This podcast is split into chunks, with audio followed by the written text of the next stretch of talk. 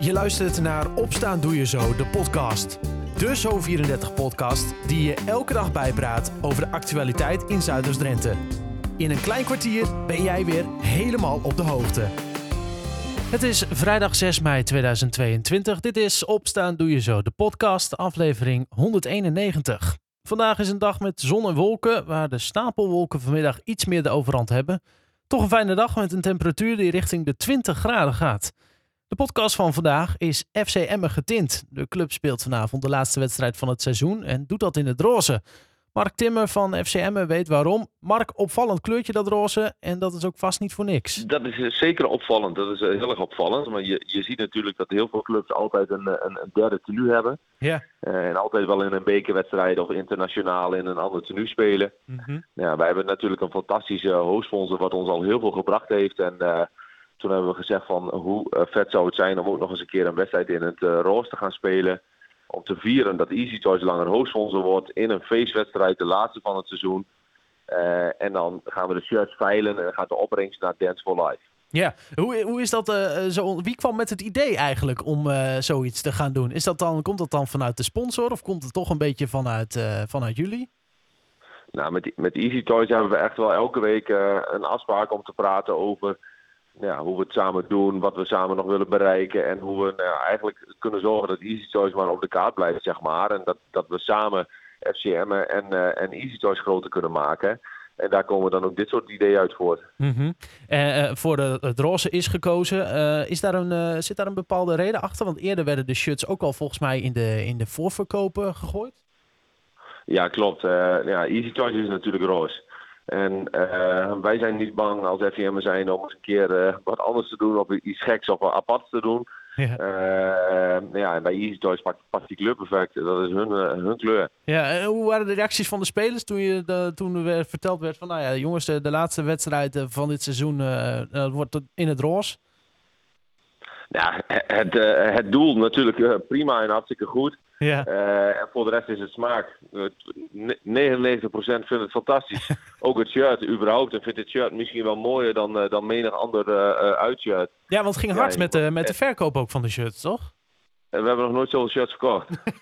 dus dus dat, dat zegt wel genoeg ook over hoe, ja, over hoe ze in de smaak vallen. En, en omdat het ook gewoon een speciaal shirt is en, en er hangt een doel aan. Uh, ja, vinden mensen dit gewoon fantastisch. Ja. Uh, maar je houdt altijd mensen die, uh, die niks met de kleur roze hebben. Ja, en dan is het wat minder. Ja, ja. je zei het al, het doel Dance for Life, daar gaat de opbrengst naartoe. Waarom is daarvoor gekozen? Ja, we hebben samen gekeken naar Easy to met Easy Toys, wat, wat ook goed bij hun past. Kijk, wij besteden eigenlijk al ons geld aan goede doelen en onze maatschappelijke plannen doen wij regionaal. Ja. En we willen ons echt in de regio verankeren. Uh, maar Easy Toys is natuurlijk meer dan alleen maar uh, een regio. Die, die zijn landelijk, maar ook internationaal heel groot. Dus we hebben samen gekeken van ja, wat past er dan ook goed bij, bij Easy Toys. Ja, en samen met Easy Toys zijn we ook met maatschappelijke plannen bezig om uh, te zorgen voor betere en andere seksuele voorlichtingen op, op scholen Mhm. aan jongeren. Um, ja, en dat is wat Dance for Life zich mee bezighoudt. En met iedere 5000 euro kunnen zij een trainer opleiden die 8000 jongeren kan voorzien van ja, betere informatie uh, op het gebied van seksuele voorlichting. Ja. Ja, dat is natuurlijk ook gewoon een maatschappelijk iets wat, uh, nou ja, wat alleen maar meer speelt.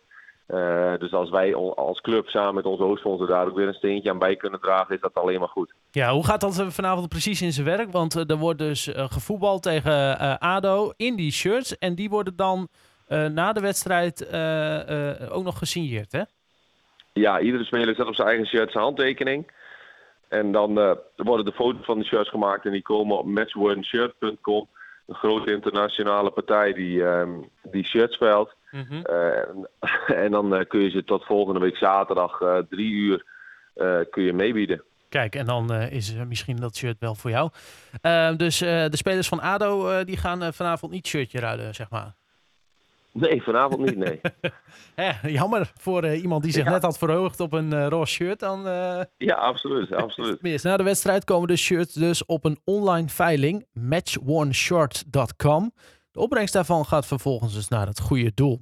Zometeen meer FCM in de podcast. Want blik even met trainer Dick Lukien vooruit op de wedstrijd van vanavond. Je hoort het na het laatste nieuws uit Zuidoost-Drenthe. Een melkveehouder uit Dalerveen is deze week met succes bij de Raad van State in beroep gegaan tegen de plannen om een oude bedrijfswoning een woonbestemming te geven. De gemeenteraad van Koevoorde stemde in 2020 hiermee in, niet wetende dat de melkveehouder eerder een vergunning had aangevraagd en gekregen voor een nieuwe stal. Door de nieuwe woonbestemming mocht de stal niet meer gebouwd worden. De Raad van State vindt dat de agrariër zijn nieuwe stal gewoon moet kunnen gebruiken. Daarmee is er een streep gezet door de woonbestemming van de voormalige bedrijfswoning. Het zorgt overigens wel voor een nieuw probleem, want deze bewoners zijn zo'n 22 jaar geleden gestopt met hun bedrijf. Maar in de voormalige bedrijfswoning mogen ze zonder woonbestemming niet meer wonen. En een 26-jarige man heeft twee jaar cel en tbs met dwangverpleging gekregen. De rechter veroordeelde hem voor poging tot doodslag omdat hij een andere man 13 keer heeft gestoken. Het gebeurde in augustus vorig jaar in een wooncomplex in de woonwijk Bargeres. Het slachtoffer had kunnen overlijden, oordeelde de rechter. De MNA beriep zich op noodweer, maar daar was volgens de rechter geen sprake van. Op camerabeelden was namelijk te zien dat de MNA via de galerij meerdere keren naar de woning van het slachtoffer liep met een mes in zijn handen. Het gebeurde rond drie uur in de nacht na een avond drank- en drugsgebruik. Nadat hij het slachtoffer had gestoken, liep de MNA weg. Tot zover de laatste nieuws uit de regio. Voor meer ga je naar zo34.nl of je kijkt in de Zo34-app. Nog één duel en dan zit het succesvolle seizoen voor FCM erop. In het thuisduel tegen ADO Den Haag kan er vanavond zelfs nog een kleine prijs worden gepakt, namelijk de vierde periodetitel. Volgens trainer Dick Lukien is de scherpte voor het winnen van ook die prijs zeker aanwezig, zei hij tegen verslaggever Niels Dijkhuizen. Nee, maar zeker de eerste dagen nadat we weer begonnen, ja, merk je gewoon dat de spanningsboog anders is. En dat vind ik ook logisch. Dan kun je wel zeggen, ja, dat mag niet zo zijn. Voetballers zijn ook mensen. Ik merk wel dat naarmate de wedstrijd dichterbij komt, dat de focus toeneemt. En ik vind ook, dat heb ik zo vanochtend gezegd, kijk, we hebben nog wel een aantal dingen om voor te spelen. Je wilt, uh, je wilt zoveel mogelijk punten halen, je wilt uh, zo weinig mogelijk doelpunten tegenkrijgen. Uh, je hebt een, een hondstrouw publiek, dat wil je ook belonen met een, met een prachtige happening aan het eind. Burnett zag ik van de week, bovenaan het VI-klassement. Ja, dat zijn allemaal kleine subdoelstellingen. Die, uh, ja, dat, dat, dat kan het allemaal nog net iets meer extra cachet geven. Ja, en het kan maar zo zijn dat je, dat je weer zo'n podium krijgt hè, voor die periodetitel. Ja, dat, uh, dat is niet uit te sluiten. Want uh, daar staan we er volgens mij uitstekend voor. Met meer plus drie punten en dacht ook een doelsaldo van plus vijf. Ja, weet je, dat, dat zegt alles over dit seizoen. Als je in staat bent om twee periodetitels te winnen, kampioen te worden. ja, groot compliment voor iedereen. De trainer van Emmen sprak ook nog even over Jerry Hilteman, die vorige week bij de huldiging van Emmen in opspraak kwam door te zeggen dat hij een fout had gemaakt door Emmen te verlaten. Zijn club NAC Breda zette de speler daarop uit de selectie en uitte ook stevige kritiek op FC Emmen en op trainer Dick Lukien.